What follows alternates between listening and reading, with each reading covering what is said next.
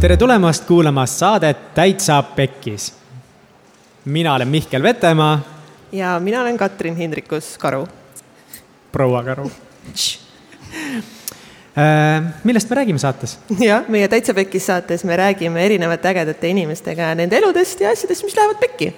miks nad pekki lähevad, kuidas nad pekki lähevad ja kas sellest kõigest saab ka välja. Ja täna me oleme Kristiine keskuses ja me teeme oma kõige esimest äh, live-salvestust, äh, mis on päris lahe, meil on kõrvaklapid peas ja meiega täna on ka siin üks imepärane noormees. üks kaunis härrasmees lillelises särgis ja see härrasmees on ei keegi teine kui Kevin Rääbis wow, uh, uh. ja ma kohe räägin, ooda, oodake, rahu, rahu, ma kohe räägin teile. ta on kahekümne viie aastane plaks.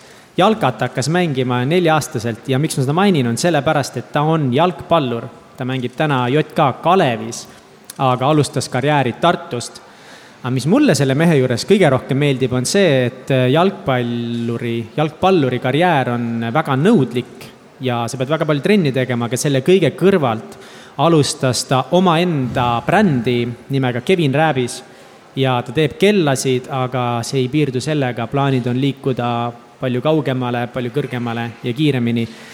aga ka sellega ei piirdu kõik. ta on ka näidelnud. ja olnud modell ja olnud ka modell ja no me kõik saame aru, miks ta modell olnud on. aga KRR-i brändi kellad on päris ägedad ja Kevin on täna meiega siin minu kõrval ja ma tean seda, ma loen praegu oma märkmikest, märkmetest, et sa brändi võtmeks nimetad lihtsust ja elegantsi, nii et sa oled päris palju teinud päris lühikese ajaga ja saamegi siis täna kõigest sellest rääkida. Jah, tere tulemast stuudiosse Eesti Cristiano Ronaldo, Kevin Rääbis Vau, milline soe vastuvõtt. aitäh teile kutsumast ja teid on ka tore näha. kui närvis sa oled? tegelikult on kerge pinge on ikka sees. Et äh, isegi eile, kui me siin kohtusime ja kergelt rääkisime, siis äh, õhtul selline süda hakkas natuke rohkem puperdama mul on endal ka, ma tunnen, ma näpin seda läpparit aegast, ma ei tea, mida teha oma kätega hästi. ei oska kuskile käsi panna tegelikult, vaata. jumala veider on. aga tead, ma arvan, et kui me käima saame, siis läheb kõik lepase reega, nii et proovime kuskilt otsa, otsa lahti saada. jaa saame otsa lahti kuskilt ja nagu kust me ikka tavaliselt alustame, me alustamegi ägedate inimestega sellest, kust nad üldse tulnud on, et, et mis on selle inimese lugu, kuidas ta jõuab siis nende väljakutseteni, raskusteni kui me eile sinuga rääkisime ka, siis tulid välja mõned päris äh, rasked hetked sinu elust, aga sa oled Tartust pärit? Tartust pärit jaa mm,, tegelikult jah. põhimõtteliselt olen äh, lapsest saati Tartus elanud ja terve nooruspõlve on seal veet-, olen seal veetnud äh, täpsemalt siis tegelikult Karlova, Karlova rajoonis. Ja peale seda siis kümneselt vist kolisin Annelinna ja, ja jah, Tartu poiss, Tartu poiss. kuule, Karlovas, ma olen ise ka Tartust pärit, Karlovas lauldakse väga palju, kas sa laulsid ka kunagi kooris? jaa, kooris ei laulnud, kooris ma ei olnud, küll aga oli, ma ei olnud muusikakallaku klassis, et mm. aga küll ma, oli, oli meil ka muusikatunnid ja ma olin tegelikult päris kõva, kõva, kõva tegelane seal, et äh, hääl oli mul hea. et järgmist Koit-Toomet minust päris ei tule, aga, aga noh, jah, jään oma liistude juurde. aga kuidas sa siis selle jalgpalli enda jaoks leidsid? no tegelikult ega, miks ma ta leidsin, ma tegelikult noh, tead, ma arutasin vana ema, emaga ka siis nagu seda just hiljaaegu, kuidas nagu kõik see asi alguse sai, aga aga praktiliselt nelja-aastaselt ma juba tegelikult hakkasin äh, seal, ma elasin täpselt sellises kohas, kus mul oli staadion kõrval ja ja noh, mis ikka noor poiss teeb, jookseb esimese asjana staadionile mängima ja ja ema ütles ka, et minu mänguasi oli jalgpall, et äh, neljaselt ma juba tegelikult suurte meestega seal kutsuti mind punti. Hüppasin punti, hakkasin mängima. Ja kuidagi nii see asi nagu keris ja, ja siis äh, praktiliselt seitsmeaastaselt vist, kui ma esimeses klassis olin, et siis, äh, siis ema viis mu käe kõrval trenni. Ja ma mäletan seda päeva kusjuures väga hästi Tamme staadionil, kui ma läksin, et äh, viis mu sinna trenni ära ja esimesed trennid hakkasidki pihta praktiliselt kohe nagu esimesel päeval.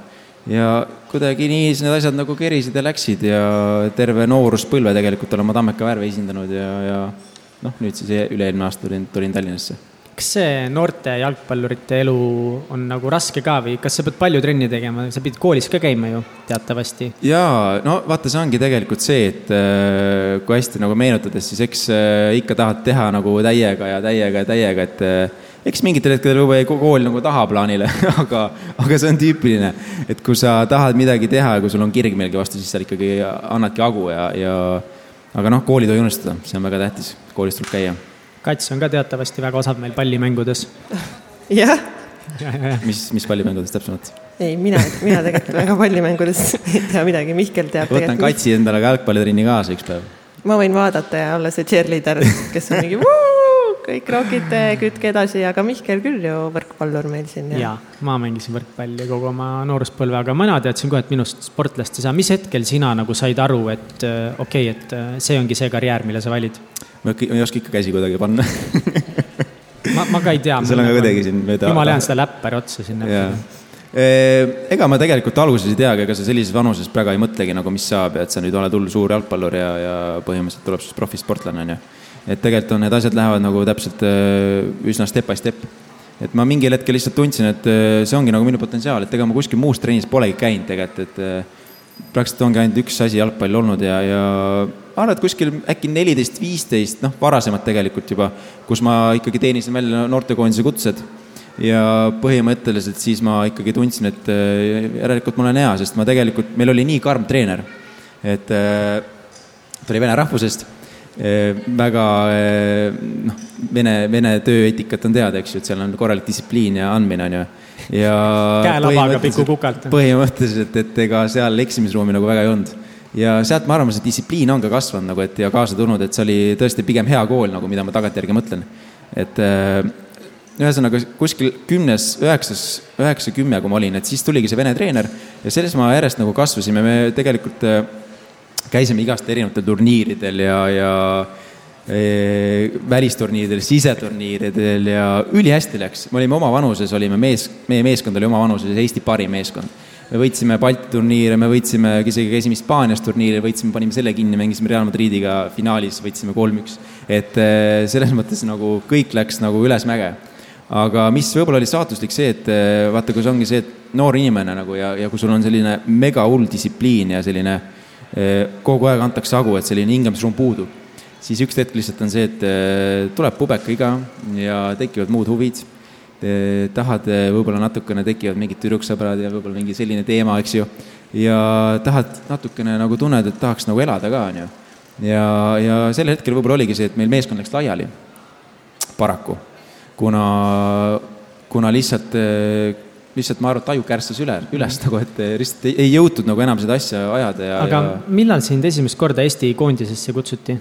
noortekoondisesse. noortekoondisesse. noortekoondises, U seitseteist koondis oli see siis. ja kas sa läksid Läksin, siis ma läksin, jah. siis sa läksid koondisesse jaa, läksin küll, kõik, äh, selles mõttes läksin alguses äh, muidugi ilusti, koondis on tegelikult auasi, mida esindada aga, aga noh, see, mis edasi sai, see on, seda saame veel pärast rääkida. aga noorena, kui äh, enne kui need sõbrad ja tüdruksõbrad mängu tulid, siis kui palju sa pidid trenni tegema, et saada välismaale mängima ja kui tihe oli su graafik?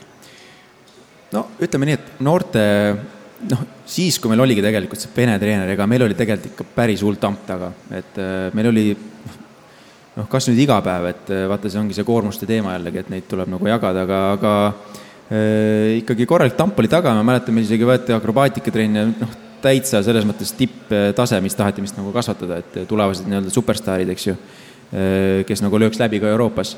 aga, aga, aga praktiliselt see asi nagu ei läinud läbi, et ma ütlengi, noortel nagu tuligi see iga, kus ma noh, põhimõtteliselt ma vaatasin ka seda vana pilti mingi hetk nagu, kes seal nagu meil oli seal sellele pildi peal, see meeskond, eks ju ja peab tõdema, et ma olen ainukene, kes on nagu sellest meeskonnast järgi jäänud ja mängib. nii et tahate nagu ehitada superstaare, aga. karm reaalsus tegelikult, et püünele jäävad nagu mõned, et äh, see ongi tegelikult sportlase elu võlu ja valu, on ju, et et äh, lihtsalt äh, püünel jäävadki mõned ja, ja kes lööb läbi, kes ei löö läbi ja, ja nii ongi. päris karm. oota, aga lähme siis kohe selle koondise juurde. no mis, mis me siin ikka muust räägime, et esimene noortekoondis kuidas sinu kogemus sellega oli?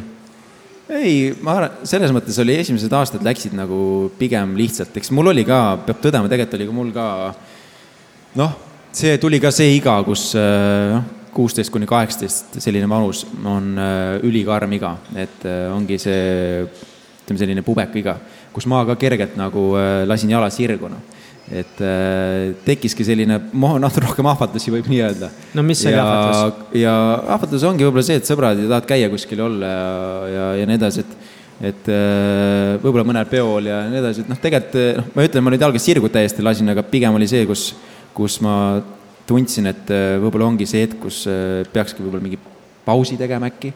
sest kui ma tulin ka sellest karmist, karmist tööetikaga nii-öelda lastetoast, kus meil oli kogu aeg need trennid päris karmid, et et ma tagantjärgi mõeldes pigem oligi see võib-olla hea, kui see selline paus sisse tuli aga kas sa ei tunne, et nagu see oli väga oluline aeg nagu sinu arengus, et sa mm -hmm. täpselt selles arengufaasis, sul on just vaja need noortekoondised, kõik asjad ennast tõestavad, et kui sa sel hetkel lased ennast natukese lõdvaks, et võib-olla sa ei saavuta mingit ma, potentsiaali siis? ma ei ole tegelikult, ma arvan, et äh, ma ei ole mitte kunagi nagu ennast tõdast lastud, pigem võib-olla oli see hetk, kus ma nagu tundsin, et äh, tahaks nagu millegi muuga korraks võib-olla tegeleda või proovida või lihtsalt, ma isegi ei tea, mis tunne mul oli, aga selline kahetine tunne nagu et ma ei lasknud ennast lõdvaks, ma, ma tegin terve see aasta, tegin kogu aeg ise trenni, eks ju, ja, ja hoidsin ennast lihtsalt vormis, on ju. aga peale seda tegelikult äh, tulin ma tagasi ja ikkagi hakkasin jalgpalli juures oli mu süda ja hakkasin edasi mängima, et et midagi nagu selles mõttes katki jäänud, eks ikka aastakene mõjub, võib natuke rusuvalt mõjuda. aga mis, mis see on, mis sulle jalgpalli juures nii väga meeldib, et sa oled jäänud selle juurde?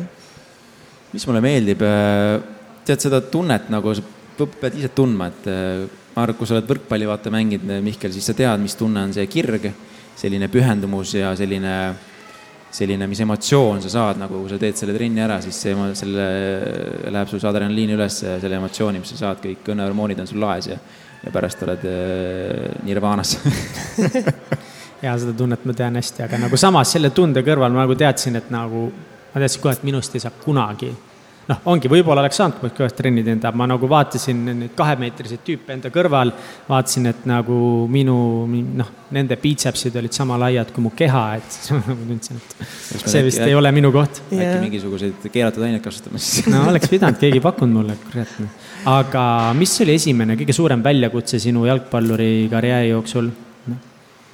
kas see oligi vigastus või?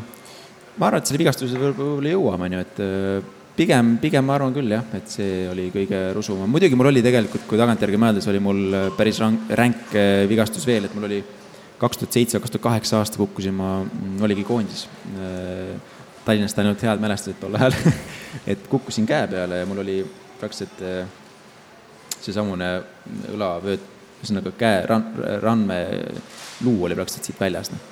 et uh kaks venda lendas tagant selga ja, ja siis ega ma midagi aru ei saanud. toona see oli kaksteist aastat tagasi praktiliselt.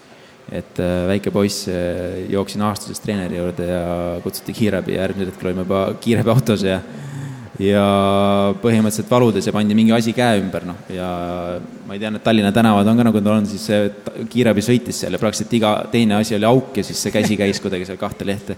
ma mõtlesin, et okei okay,, väga tore nagu, et et see jättis mulle ka korraliku pitsri tegelikult, noh.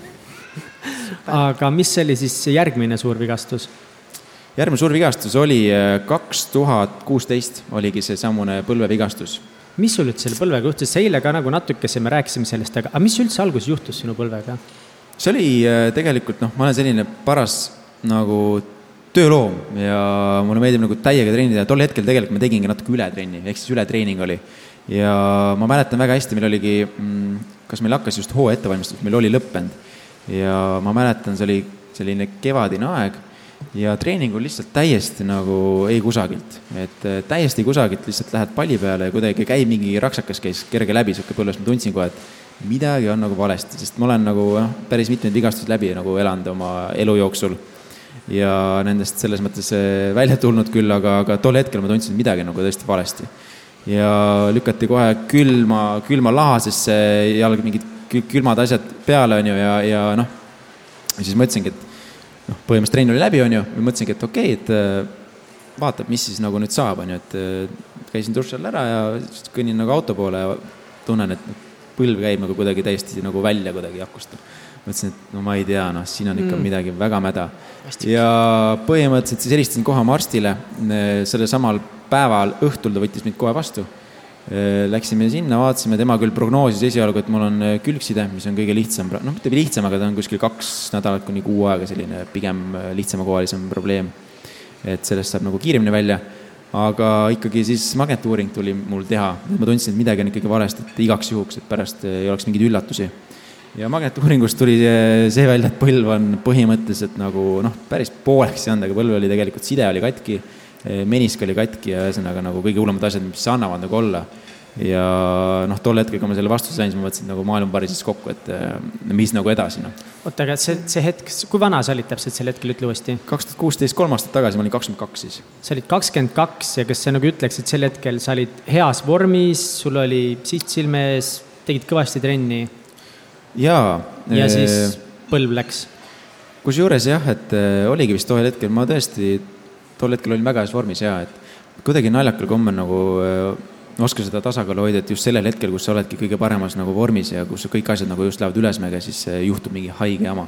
et eh, siis ronib, lähebki kõik nagu täiesti pekki ja tegelikult on nagu kuidagi nii juhtunud. no, no mida sa siis tundsid tol hetkel, kui sulle öeldi, et sul on põlv igalt poolt kõik katki? oh, emotsioone oli mitmeid nagu, et äh, noh, esialgu ma mõtlesin selle, kuidas saada esimese asjana kiirelt tagasi väljakule, et mängima, aga. optimist kohe sinus ikka. jaa, et äh, kohe nagu, et kuidas saada tagasi nagu igast erinevad stsenaariumid käisid peas läbi. aga põhimõtteliselt tuli alustada ikkagi esimesest asjast, tuli opilauale minna kas sa nagu kartsid ka, et, et kurat, et nagu praegu mu karjäär on siin ohus? muidugi, see vanus tegelikult on noh, eks jalgpalli vanus tegelikult on karjäärid, noh, üleüldse tegelikult jalgpalli karjäär on lühikene et iga aasta on kulla hinnaga, sa ei saa nagu kuskilt äh, nagu tegelikult jalga sirgu lasta, tegelikult sa pead ikka täiega andma hagu, noh. kui sa tahad Eestist välja jõuda, et äh, noh, siin ei ole nagu küsimustki. tol hetkel muidugi äh, ma ei teadnud, mis nagu saab, noh, et kindlasti seda mõtet ma endal peas ei ole mõlgutanud mitte kunagi elu jooksul, ma et ma nüüd ära lõpetan, okei okay,, see aasta see tuli, on ju, aga, aga et ma ära lõpetan reaalselt nagu, et ma ei taha enam mängida või, või kõik need vigastused, asjad, et hea küll, no mul on lihtsalt kõrini, noh. et ma ei viitsi enam nagu, miks ma peaks tegelema, miks ma ei võiks elada lihtsalt äh, rahulikult.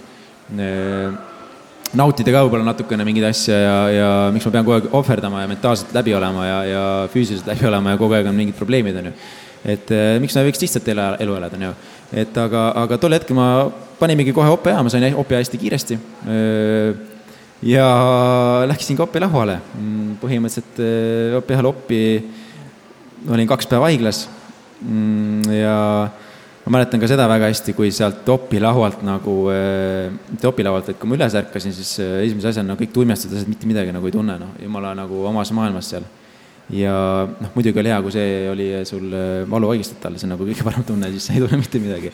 aga kui see reaalsus jällegi koju tuli, kui ma, kui see valu vaigistada hakkas ära kaduma, kaks päeva oled haiglas olnud, on ju siis hakkasin tundma, et, et midagi noh, tunnen, et, et okei okay,, et nüüd on nagu, hakkab see valu nagu tulema, tulema see reaalsus nagu el, pähe lööma, on ju mm. -hmm. ja siis oligi see üks öö, kui ma see viimane oli, siis ma kohe tiristasin seda kella sealt, et tooge mulle valuvaigistit juurde, sest no reaalselt see põlve teema oli, see oli, noh, see oli ikka väga sul valus. oli selle mingi äh, ratastooliga mingi teema? jaa, seda ma, selleni tahtsin just jõuda.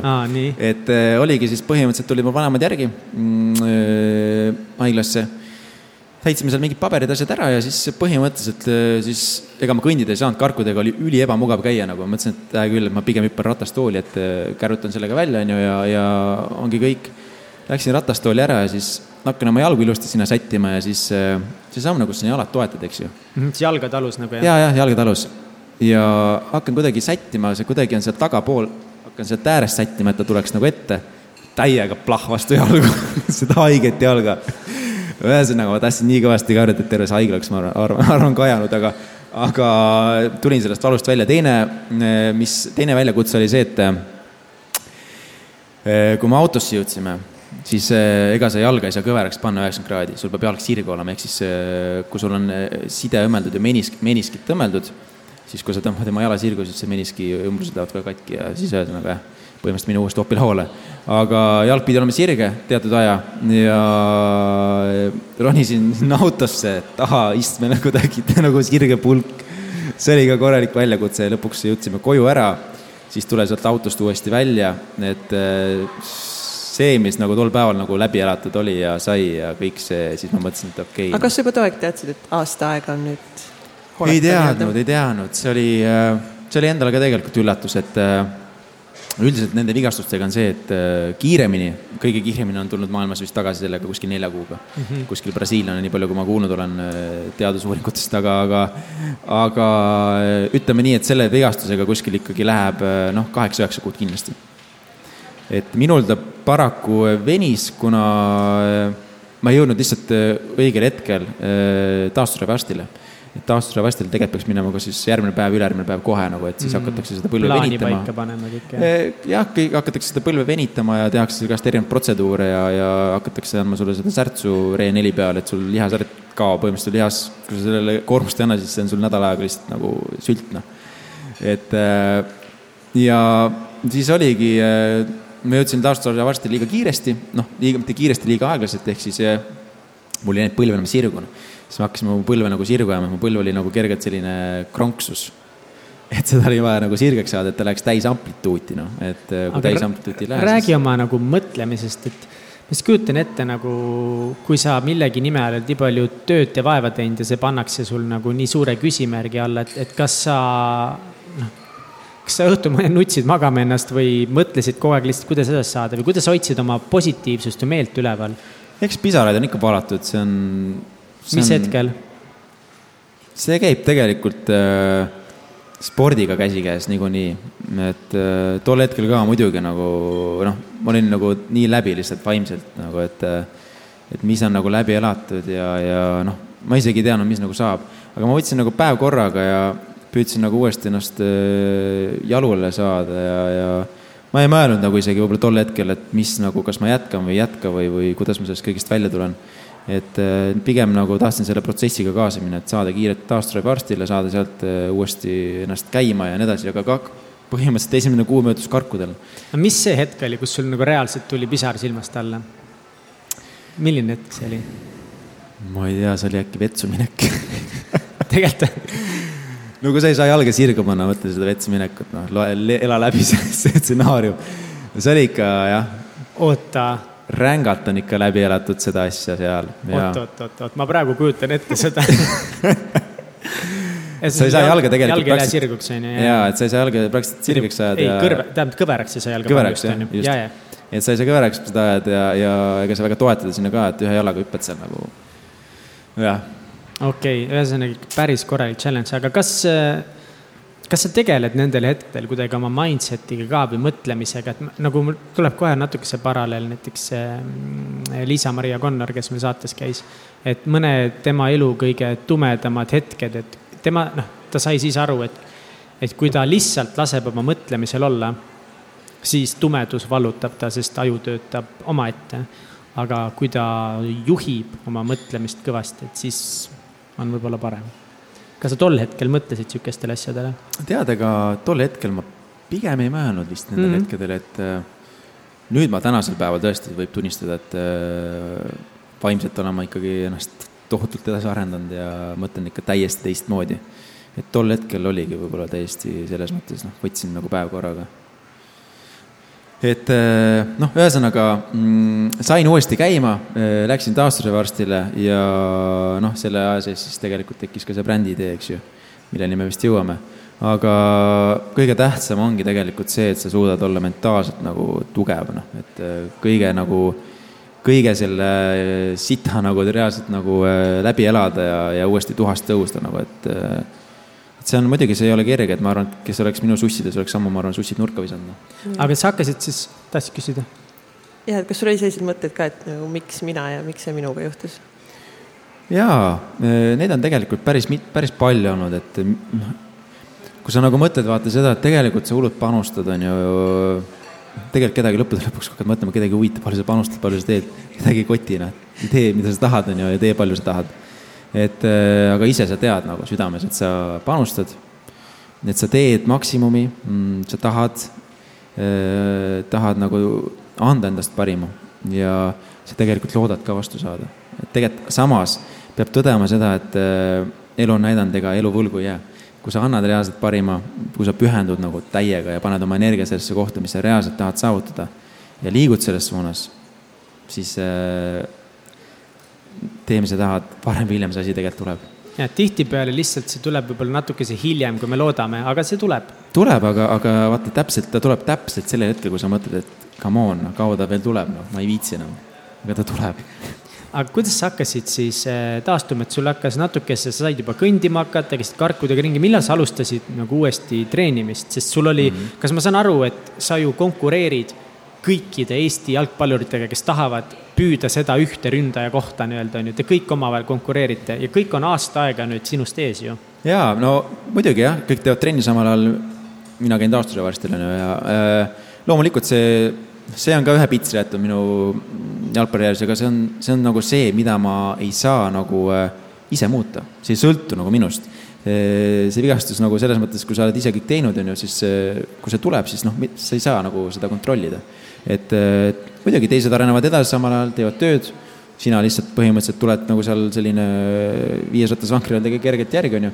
aga see tähendab seda, et sa pead tegelikult topelttööd tegema, kogu aeg sa pead andma lihtsalt hagu täiega, et eh, püsida teistega samal joonel või siis olla veel parem et kõige tähtsam on see, et sa, et sa peadki täiega lihtsalt andma hagu. ja tol hetkel tegelikult oligi, et ega mina, noh, ma arvan, et kõik inimesed, lähedased inimesed teavad minu tööeetikat et ma läksin ühe karguga, läksin välijõusaali trenni tegema juba eh, koos vennaga. et eh, ma ei ole mitte kunagi selles mõttes selline, sellise allaandja instinktiga olnud, et mul on pigem olnud see, et mul veres jookseb sportlase veri ja ma tahan nagu parimat ja, ja ma pean selle parima saama. muidu ma enam ei lõpeta. kust sul on tulnud selline mõtteviis, kas vanematelt või oled sa ise selle õppinud, lugenud? see on pigem tulnud, eh, eks vanemad on kindlasti oma rolli seal mänginud, aga pigem vaata, kui sa oled nagu praktiliselt ju terve elu spordi sees olnud siis Vene treenerid käega vastu muidugi, kukalt. vastu kukalt, et äh, sa ju saad sellise, kui sa oled juba noorest east sellises distsipliinis olnud, aga mulle meeldib distsipliin, mulle meeldib, kui asjad on nagu selles mõttes mingil määral nagu joone järgi, et äh, et äh, see kasvatab, noh, ja, ja, ja ma arvan, et see on nagu positiivne. aga noh, paljud ei, ei suuda seda seedida, et mõned ikkagi, mõnel võib ära flip ida no mul endalgi on tihti ära flippinud ja ma olen täiega nagu välja kukkunud sellest distsipliinist, aga kuidas sa siis äh, lühidalt veel sellest, et äh, kuidas sa jõudsid teistele järgi? kas sa jõudsid? kuidas ma jõudsin, ega seal mingit saladust ei olegi, töö ja pühendumine, et äh, ühe karguga läksin trenni, eks ma seal mingi aeg seda ühe karguga käisin, sain sellest kargust lahti, siis läksin normaalselt trenni, et et jõusaal, siis kui ma jooksma sain juba, küll sellega läks aega, siis ma hakkasin jooksmas käima ja kõik see läks, tead, tuleb lihtsalt seda protsessi usaldada nagu. sa, sa rääkisid meile seda ka, et sa tegelikult nagu tegid rohkem trenni kui teised või? jaa, ma tegelikult, eh, ma mäletan tegelikult ülihästi, kui sa praegu räägid, siis eh, tol hetkel ma tegin endale siis eh, MyFitnessi kaardi ja hakkasin käima nii, et ma hakkasin seal käima mm, body balance'is, joogas ehk siis viia ka selline mentaalne pool tasakaalu ja, ja võtsin ka trenne seal juurde, käisin rühmatrennides ja et olla natukene rohkem ka keskkonnas sees, sellepärast et eh, tead, kui see, kui sul see vigastus nagu juhtub, vaata, kui sa oled kogu aeg olnud, olnud nagu ühe rongi peal e ja see käib nagu aastast ja täpselt sama rutiin kogu aeg ja, ja kui sa sellest rongist nagu maha astud, siis tegelikult on see, et et see on nagu täiesti teine maailm, kus sa nagu oled. et sa ei ole, ei tea, kuhu istuda ega astuda, noh, sa, sa, see on täitsa uus, uus maailm sinu jaoks ja, ja see oligi tegelikult kõik see aeg ja kõik see nagu täiesti teise tähenduse, millest ka tegelikult hiljem tekkis bränd. sa tegid jalgpallitrenne ka rohkem kui teised või? Äh, jalgpallitrenne sain siis hakata tegema tõesti, kui jalg nagu täiesti lubas, aga sellega läks ikka, ikka päris pikalt aega, et äh, aga seda tuligi juba hiljem füsioterapeutide ja, ja, ja ühesõnaga treenerite käe all, et mitte nagu meeskonnaga koos. meeskonnaga koos sain alles aasta lõpus hakata tegema, et see lihtsalt, ütleme nii, et sinna läks kaheksa-üheksa kuud, et mida varem sa tagasi tuled, seda suurem oht on, et sul juhtub see uuesti kas sul on olnud kõrval ka inimesed või sõbrad või vanemad, kes, kes nagu toetavad juttu, et Kevin, et ära anna alla, sa saad terveks, sa suudad, sa saad hakkama või oled sa iseennast pidanud motiveerima mm,? jah, eh, kindlasti tead, eh, perekond ja sellised lähedased, need on tegelikult võti.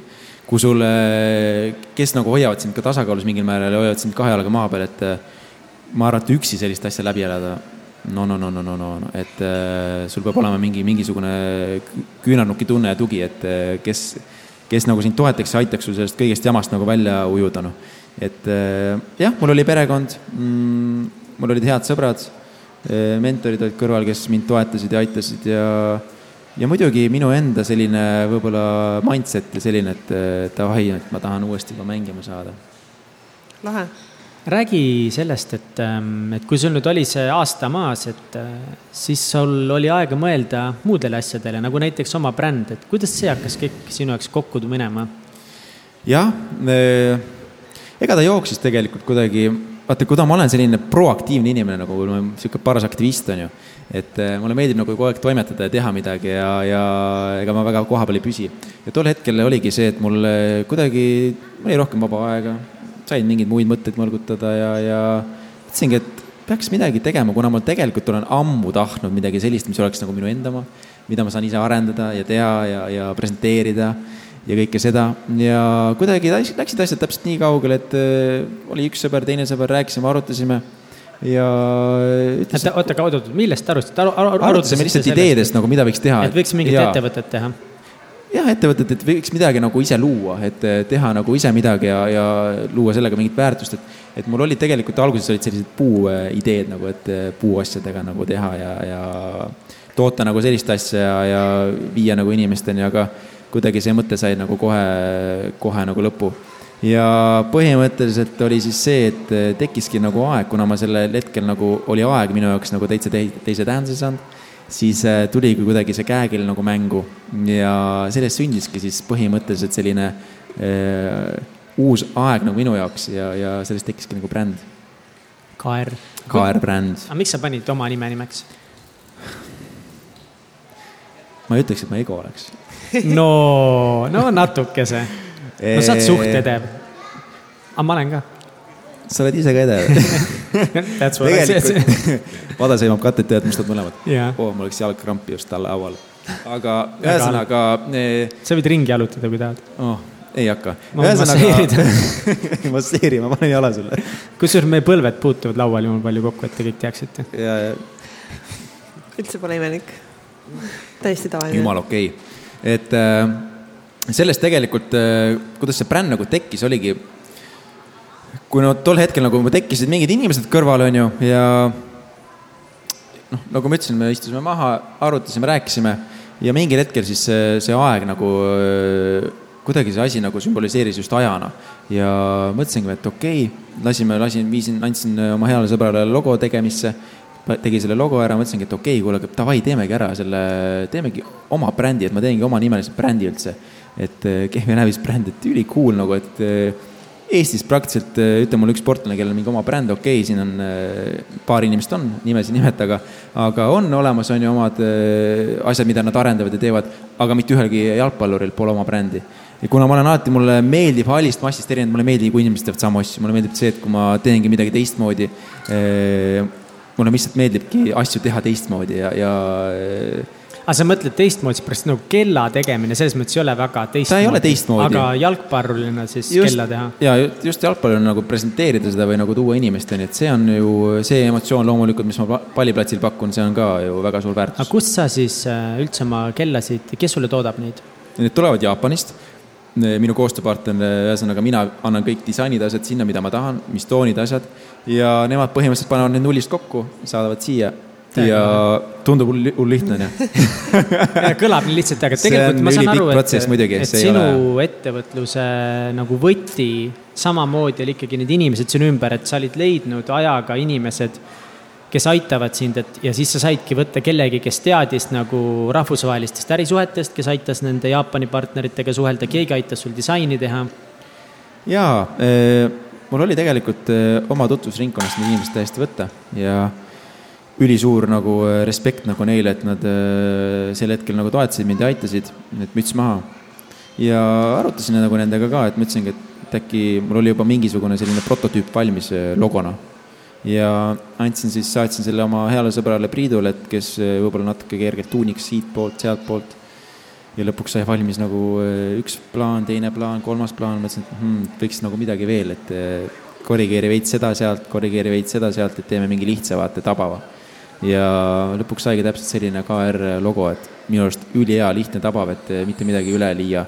nii-öelda siis selle suhtluse poolega tegeles minu hea sõber Tauno. tervitused Taunole tema on, tema on minu üks parimaid sõpru, kes oli mul tollel ajal ikka mega palju abiks. et tema siis on tegelikult just selle äri sees ja kõik selle interneti poole pealt nagu ülitark inimene, kes ühesõnaga mind viis kokku seal nii-öelda selle inimesega, kes on see koostööpartner mul seal Jaapanis ja, ja hakkasime seal suhtlema, tema muidu üldiselt nagu ise tegeles nende asjadega, suhtlemise ja kõigega, et kõik, mis koguses ja nii edasi ja nii edasi. ja mina lihtsalt see, et okei okay,, davai, see kogus, proovi ära rääkida ja andsin lihtsalt juhiseid. aga kuidas see, kuidas see disain üldse tuli, et kuidas sa otsustasid, milliseid kellasid sa tahad disain, jaa, väga hea küsimus.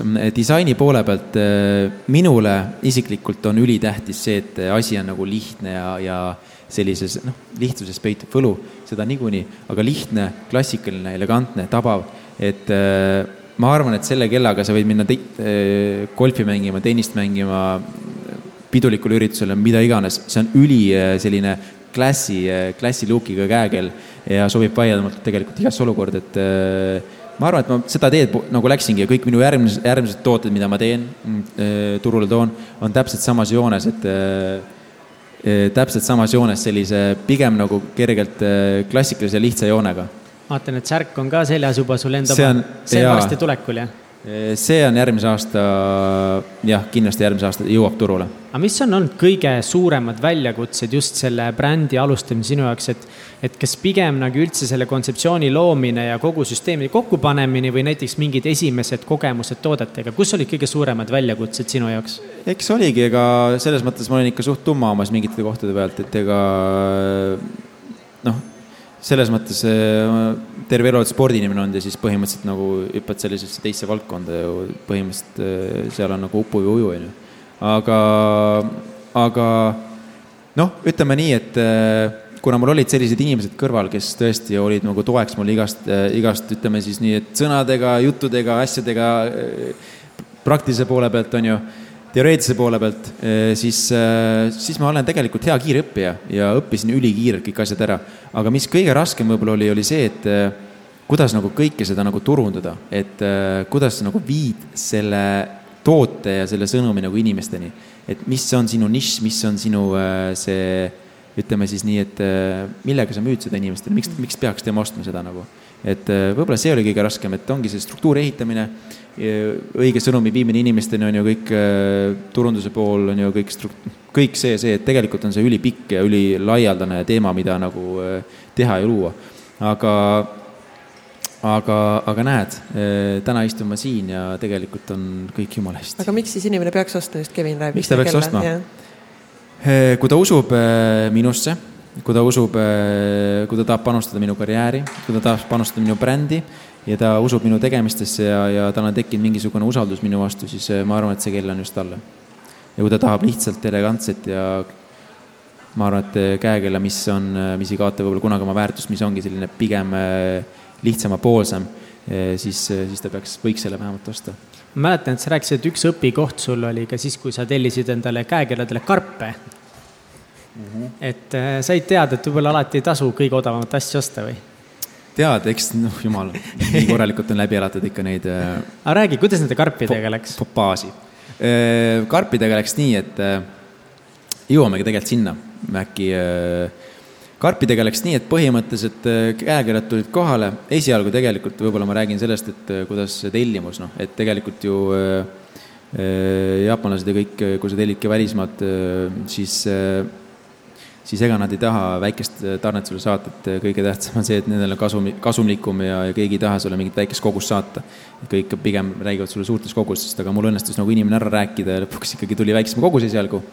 Aga ühesõnaga käekõlad tulid kohale, kõik oli tibin-tobin ja põhimõtteliselt siis järgmine samm oli see, et nüüd peaks mingid karbid ka vaatama nagu, et kuhu nagu käekõlad sisse asetada. ja vaatasin, siis lükkasin lahti seal need lehed, mis seal on, need e-Bay'd ja asjad on ju, et et vaatasin mingid odavad karbid on ju, et mõtlesin, et oh kurat, et peaks äkki vaatama, et äkki võtame odavad, et isegi rahadega on selline kitsas käes. üks vahemärkus ka, et seesamune esimene investeering, mis ma tegin käekirjadesse, see oli kõik minu sukasääde kogutud äh, raha. palju seda oli? seda oli kuskil kahe tuhande euro suuruses, et. tegelikult saab alustada nagu ettevõtlust ikkagi suhteliselt odavalt saab, see kõik sõltub sellest, kuidas sa ise nagu seda raha kogud, mille peale seda raiskad ja kas sa tahad reaalselt alustada nagu sellega ja mis on sinu plaan, et pigem võib-olla seal ennem läbi mõelda, et kuhu sa, kuhu sa tahaksid nagu jõuda, millega sa tahaksid nagu alustada ja mis väärtust sa tahaksid nagu pakkuda. et need sammud peaks ennem läbi mõtlema. küll aga karpide juurde tagasi jõudes, siis äh, tellisin karbid ära äh,. mis see hind oli seal äkki kahe dollari kanti vähem üks karp? jah mm, -hmm. ja siis tulid kohale, vaatasin, no mis asjad nagu need on põhimõtteliselt nagu karbi minu arust oluliselt mega suur, kui ma teen mingi Apple'i tooteid teed lahti näiteks või noh, see karbist lahti tegemise hetk. Youtube on täis videosid, mis on pühendunud ainult sellele, kuidas asju unpack itakse, sest seal on mingisugune emotsioon sees mm.. ja ma saan aru, et kui sina need karbid kätte said, siis sinu hinge valdas pettumus. täiesti pettumus ja mis neil siis häda oli? Nad olid esiteks no nii naljakad, et. Äh, naljakad, mis no, no, sa hakkasid naerma või? Ei, nad on reaalselt. sa hakkasid nutma ju pigem. no pigem noh, sihuke vahepealne oligi sihuke, ma isegi aru ei saanud, mis emotsioon on, kas ma nutaks või naeraks, et sihuke emba-kumba. et ma, need olid siuksed tavalised karbid, ma oleks täna kaasa võtta isegi need, siis ma olen ise ka naernud. et äh, vaatasin äh,, tavaline sihuke karp on ju, sihuke plast, ma ei teagi, mis ta oli, pigem mingi sihuke puidulaadne asi. võtsin nagu lahti, siis oli mingi sihuke, kus saab käe, käekella panna ja mingi no mõtlesin, et okei okay,, et kuidas ma nagu sellega nagu lähen inimese juurde, kuidas ma presenteerin nagu seda. Et äh, aga põhimõtteliselt siis tuligi see, et järgmine, siis mul tuli, tuligi põhimõtteliselt seda kuidagi presenteerida ju. sest sulle et, tuli äh, ju see äh, palve sisse Riigikogult. ja selleni jõuame kohe. Tegelikult täpsemalt oli see Vabariigi Presidendi Kantseleist, aga mm. äh, ühesõnaga, siis ma tegin esialgu photoshoot'id asjad ära, et, et kuidas ma just täpselt, äh, need asjad tegelikult on algusest peale üliläbimõeldud, kuna ma olen niisugune perfektsionist ja ma tahan, et asjad oleksid tegelikult ülikvaliteetsed, siis loomulikult need karbid olid tegelikult allpool arvestust. aga, aga üldiselt kõik need pildid, asjad, et tootepildid, asjad, kõik kodulehed, asjad, ma panin sinna täispanuse, et see oleks kõik kvaliteetne, inimestel tekkis, tekkis mingisugune usaldus ja autentsus minu suhtes, aga, aga karbid ikkagi noh, jah. no tegelikult on see, et sa proovid olla perfektsionist, aga no asjad lähevad pekki. Lähevad küll, jaa. sul lähevadki asjad pekki? Lähevad. ja põhimõtteliselt siis ma tegin need pildid, asjad ära ja siis no kui ma selle asjaga kõigega välja tulin, ma mäletan seda tegelikult seda, isegi Delfisse läks see uudis üles, et ja Eesti jalgpallur tegi oma brändi. ma seal mõnda kommentaari isegi lugesin tol hetkel. ära kunagi loe, ära kunagi loe kommentaare. ei, ei, nüüd ma enam ei loe, aga no ikka korralik kibestumus tuli, see oli sihuke, ma arvan, et eh, nagu no mida sulle ette heideti? ma isegi, siis täna, tänasel päeval ma isegi ei mäleta seda, aga oli, mis ta oli, aga seal ei ole omagi mingit tähtsust mm. nagu enam. et äh, pigem nagu võtsin seda sellist lihtsalt nagu, kes koerad haaguvad, karhama läheb edasi, aga, aga tol hetkel pigem võib-olla isegi see oli suht lööb, noh, et äh, äh, see ikka tegelikult lõi nagu rööpast välja veits. sa tegelikult said ju ikkagi päris rasket ja negatiivset tagasisidet, sest Muidugi. sa justkui peaksid ju keskenduma ainult jalgpallile, mitte mingite muude asjadega tegelema. jaa, aga, aga noh, see oligi tegelikult, vaata, kui sa oled nagu, eh, tulin ju tol hetkel oligi see vigastuse periood ja terve selle vigastuse perioodi ma ei lasknud lihtsalt põhimõtteliselt leiba luusse, et eh, ja ei lasknud lihtsalt ajal lihtsalt raisku minna mm. -hmm. ja, noh, et täpselt see, kuidas ise oma aega nagu, kui produktiivselt seda kasutada, on ju. Mhm. tolle ajaga ma tegelesingi täpselt selle brändi ülesehitusega. Eh, panustasin seda aega sinna, et noh, kasutasin aega ühesõnaga targalt ja kaheksa-üheksa kuuga, kui mul see bränd ja kõik asjad valmis sai, siis tulidki kõik need asjad nagu jooksvalt, et äh, kõik see turundusasi on ju. aga tol hetkel, kui see asi nagu kõik välja tuli, kui ma selle kõike nende asjadega välja tulin, no korralikult kajastust sai see küll, see oli muidugi hea e,. iga reklaam on hea, antireklaam on ka hea ja mis mind nagu võib-olla, võib-olla kõige rohkem nagu muserdas või, või rööpast lõi, oli see, et inimesed nagu nii nagu et sa tegelikult ise tead, et sa oled nagu sellise asja läbi elanud, vaata, ja tahad hullult nagu midagi just eh, teha, on ju. ja mingit väärtust veel luua inimestele, on ju, ja midagi edasi anda. ja siis eh, tuled kõige selle asjaga välja, siis põhimõtteliselt eh, tampitakse sind mutta, vaata. et see oli nagu. kes sind mutta tampis, kes need olid? ei no sest noh kas okay, need olid täiesti anonüümsed? see oligi anonüümsed, muidugi anonüümsed, kes ega keegi ei julge oma nimega kommenteerida ju. et need anonüümsed on ju kõige suuremad teadjad ja, ja nii edasi, onju, aga. aga mida nad konkreetselt ütlesid sulle, mis need mõned olid, ma arvan, et sa midagi ikka mäletad. kes seda saasta ostab aga kuidas sa nagu reaalselt tunned sel hetkel, et nagu sulle öeldakse, kes seda saasta ostab? ega ei tunnegi, tead, suht sihuke emotsioonitu. nagu sa ei mõtlegi nagu, et mõt-, sa lihtsalt mõtled nagu selle, et miks inimene nagu niisugust asja nagu kommenteerib, mida ta nagu mõtleb, vaata.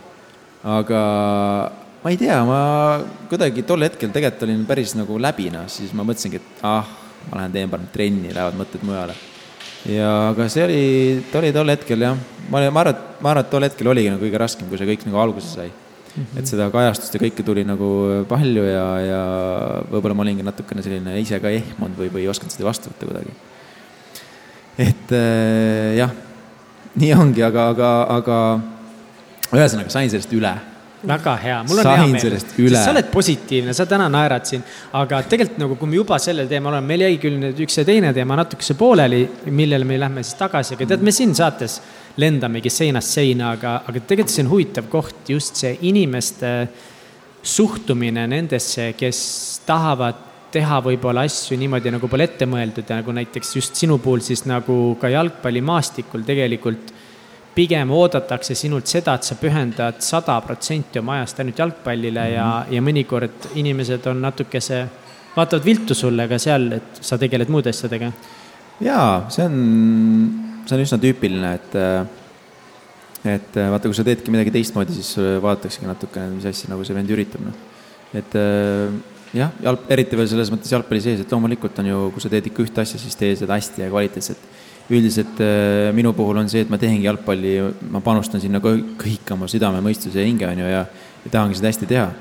ja, ja annan parimat, et see kõik lähekski hästi, on ju, aga, aga ma arvan, et see brändi tegemine, pigem kõik see on nagu, see on tegelikult ülihea eneseteostus nagu kõrvalt. et see täiendab, annab sulle tegelikult nii palju juurde, sul avanevad mingid uued uksed-aknad ja uued koostöösuhted ja kõik noh, kõik muu, et uh, uued tutvused, see on tegelikult eluks ülivajalik nagu et äh, mina alati tegelikult ütlen seda, et kõik oleneb ikkagi sellest, kuidas sa oma aega nagu rakendad. kas sa rakendad seda sellega, et sa lähedki koju, hakkad seal oma Playstationit mängima ja, ja, või seal, ma ei tea, noh, tõmbad, scroll'id seal Instas ja nii edasi, on ju mm, või, või, või sa tõesti tahadki nagu äh, midagi luua. ja siinkohal ka tegelikult eile sa mainisidki väga hästi, et nagu sinu jaoks oli nagu raske aru saada, et et äh, kui sa teed oma trenni täpselt sama pühendunult ära kui kõik teised, aga teised lähevad kodus Playstationit mängima, aga sina tahad oma brändi edasi ehitada, et miks see kellelegi ette jääb. see oleks päris nagu, mitte me hullult palju peaks selle rõõmu, aga see oli nii naljakas, kus sa rääkisid sellest, kuidas tüübid ka nagu seal väljakul mingeid asju karjunud on. jaa. Classic. see on äh, läbi on elatud palju, selles mõttes, et äh, kui see bränd nagu tekkis, siis äh, ma arvan, et äh, see käib nagu niikuinii minuga käsikäes ja kõik, mis, kõik, mis ma olengi kuulnud, noh, on väljakul karjutud, et mine tee oma kellasid ja. keset mängu nagu.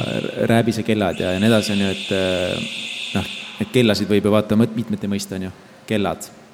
noh, rääbise kellad. et äh, igaüks mõtleb oma rikutuse tasemelt, aga äh, läbi on elatud selles mõttes jaa, et, et ma kuidagi olen alati seda usku, et äh, noh et räägi, mis sa tee, tee, mis, räägi, mis sa tahad või nagu tee nii maha, kui sa tahad, on ju, et noh, sina ei ole minu kingades ja sina ei ole minu elu, vaata, et aga kas lähed, lähedased inimesed on sind selles ettevõtmises ka toetanud või on öelnud ka, et kuule, et muidugi, see on täitsa, muidugi, mul on väga head mentorid Tartus, kes mind nagu kogu aeg hoiavad ree peal, et eh, eks endal on ka sellised vahest siuksed kahetsed mõtted, et need löövad ikka rööpast välja, see on ju jumala okei nagu, et kuule, keegi ei ole ju mingi, ma ei tea, nagu pidevas zen-zenis on ju et sul on kõik ülihästi ja, ja äh, eladki sellises kindluses, on ju.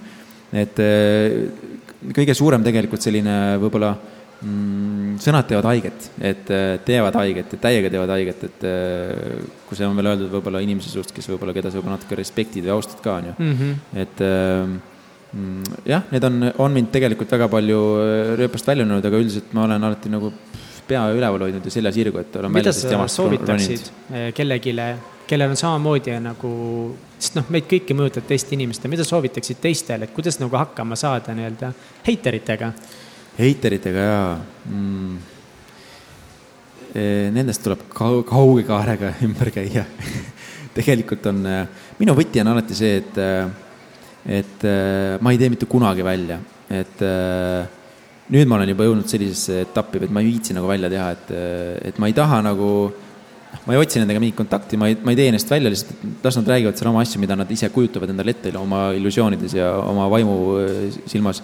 et ma lihtsalt ümbritsen ennast inimestega, kes reaalselt ongi nagu, kes on minu lähedased, äh, minu tutvusringkond selline, kes mind reaalselt hoiavad ja mind usaldavad. ja see ongi tegelikult võti, mina arvan isiklikult, et ma arvan, et tuuleveskitega võitlemine, see ei vii mitte kuhugi. et pigem nagu lihtsalt mitte sellele tähelepanu pöörata mitte tähelepanu pöörata, loomulikult tegelikult, kui seda tuleb nagu lademetes, noh siis. aga seda, eks sellega alguses peab harjuma ka, et meil on, kes meil veel saates käinud on, vist äkki on seda rääkinud Liis Velsker võib-olla ja Lauri Peda mm. äkki mainisid ka, et alguses teebki haiget. aga ajapikku sa oskad aru ja, ja. saada, et. see on, vaata, see on tegelikult iga asjaga elus esialgu on raske. iga asjaga, ükskõik millega sa alustad, on ju, ja, ja aga ajaga kasvab sul karv selga ja siis need sellised ütleme nii, et sellised negatiivsed kommentaarid ja sellised selline hurjutamine nagu, sa võtad seda lihtsalt nagu ükskõikselt, noh, siis sa tead reaalselt, et sa tegelikult teed oma asja, sa tahad sellest parimat anda, sa panustad sellesse ise, sa pead seda teadma ise südames. ja, ja siis need hurjutajad lihtsalt ongi see, et las nad, las nad karjuvad, on ju, et, et sina teed oma asja ja tee seda hästi ja, ja usu mind, et need asjad tulevad ka, mis tulema peavad sul teel nagu mm. aga kuidas sinu äh, bränd arenenud äh, on kõiki selle ajaga nüüd? jaa, see arenemine on üsna kirju olnud, et äh, eks alguses on raske loomulikult, et iga asjaga on alguses raske, on ju, et äh, aga üldiselt oligi see, et minu esimene selline diil või ma ei tea, kuidas seda võtta, tagasilöök, mul tuli esialgu, meil tuli äh, noh, ma olin jumala vaimustuses tol hetkel, tuli äh, Vabariigi Presidendi Kantseleist tuligi, et, et sooviksime võtta teil prototüüpe nagu vaatame üle ja teeme siin sellise väikse presentatsiooni ja vaatame, kuidas nagu sobivad, et, et äkki ostame nagu sisse, noh. ja siis noh, muidugi tol hetkel olidki siis need, et ma hakkasin nagu saatma siis seda sinna ja siis ma vaatasin seda karpi, mõtlesin, et selle, selle karbiga saadan sinna, seesamune naljakas karp. Et kuidas see karp nagu seal nagu vastu võetakse või kuidas nagu see asi kõik välja võetakse. et elasin nagu seda naariumi läbi peas siis mõtlesin, et ah, hää küll, noh, saadame ära, tuleb, mis tuleb, noh, et ega midagi muud ei saa, mingit teist karpi ei ole ja nii ongi, onju ja siis äh, saatsin ära sinna, siis läks nädal, kaks-kolm läks mööda, tuli vastus, et selles mõttes selline väga diplomaatiline, viisakas vastus, et et paraku nagu otsustasime, et me ei võta nagu neid äh, käekeeli sisse, et äh, kus me võime prototüübid tagasi saata. Ma ütlesin, okei okay,, et kui nii, siis nii, et ega üks uks sulgub, siis avaneb aken, on ju.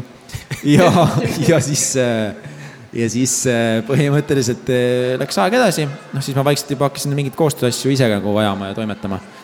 ja ja siis tuli järgmine meil tuli paar kuud hiljem äkki või, tuli äh, Nordica lennufirma paar nagu, äh, kes siis nagu toitlustavad ja pakuvad äh, teenuseid selleks. Ja siis saatsin ka sinna oma prototüübid, aga tol hetkel olid mul juba uued karbid tellitud. Ja aeg oli edasi arenenud. paremad karbid. mina olin edasi arenenud. Ja saatsin siis prototüübid sinna. Ja läks natukene aega mööda, paar nädalat samamoodi. Ja tuli vastus, et sooviksime võtta nagu ikkagi need tooted sisse, et eh, mis koguses ostetakse tavaliselt neid kõige rohkem nagu, mis, mis siis, mis värvi siis rihmadega kõige muuga, et ja mis nagu siis eh, produkti kõige rohkem. ma arvan, et nagu ülipositiivne nagu, et eh, tegelikult oled sa teinud midagi ise, sama tegelikult ju see on mega suur kompliment Vabariigi Presidendi Kantseleist, et see kõik Nad üldse kaalusid sind, jah? jaa, et tegelikult on see kõik minu ise as-, minu ise nagu ja minu sõprade üles ehitatud noh, põhimõtteliselt asi, et ma olen selle ise nullist teinud turule toonud ja turustanud ja kõik see, et äh, see ei ole mingisugune gigaettevõte, on ju, see on tegelikult mikroettevõte. ja, ja mikroasi, mida ma ajan, et äh, aga üldiselt jah, Nordicaga läks hästi, sain sinna sisse, saatsin äh, ära, tooted, tooted ära ei saatnud sinna, sellepärast et mul läks esimene laar, mis ma ära müüsin, siis põhimõtteliselt meil oli kokkulepe, et ma selleks kuupäevaks toon siis teise laari nagu kohale et äh, aga mul oligi tellimus esitatud ja see pidi jõudma siis noh, ütleme nii, et päev või kaks ennem just seda, kui ma pidin Nordica sinna lattu need asjad ära viima. üldiselt siis äh, asjad läksid nagu nii nibin-nabin, et äh, täpselt üks päev, neil juba käisid mulle pinda, et kuna jõuab, kuna jõuab, täpselt üks päev enne seda jõudis see toot-, need tooted kõik Tallinnasse. ma panin esimese asjana Tallinnasse, võtsin ära, komplekteerisin, komplekteerisin asjad ära, viisin lattu ja kõik oli tehtud. et äh, napikas. väga napikas ja üldiselt on, on see asi nagu läinud pigem nagu mm, kasvavas äh, tendentsis. et äh, esimene aasta oli hästi raske, see oligi ülestöötamise aasta, aga nüüd, äh, nüüd on selles mõttes noh, tegelikult on ju see kõik kogu aeg pidevalt kasvav, et see, see, see bränd ei saagi nagu kunagi valmis, see on nagu Tallinna teed, mis ei saa kunagi valmis, et seda tuleb kogu aeg ehitada kus su tooteid äh, on saadaval praegu, ma saan aru, veebipoes? jaa, veebipoes ja Goldtime'iga on mul ka äh, koostöö, et äh, Goldtime'is on ka saadavas Tar Tartu taskus ja Lõunakeskuse Goldtime'is on saadaval, et kõik, kes on huvitatud, siis saab kohapeal näha, katsuda ja vaadata ja, ja osta. kas sul on mingi suurem eesmärk ka selle, selle brändiga? tegelikult ikka on suurem eesmärk, ega, ega kui, kui unistada, siis tuleb suurelt unistada. et loomulikult tahaks, mõtle, saaks Skandinaavia või Euroopa turule, oleks üliäge aga selle jaoks tuleb nagu äh, ikkagi õigeid punkte vajutada, õigeid kontakte nagu leida, et äh, sellega ma vaikselt nagu tegelen äh, ja otsin, aga, aga see on, noh, ma arvan, et järgmise aasta plaan on vähemalt jõudes võib-olla siia Skandinaavia turule kas või jalaga nagu ukse vahele. see ei saa kerge olema, et äh, eks näha, elame-näeme. konkurents on tegelikult suur. konkurents on mets-, metsik.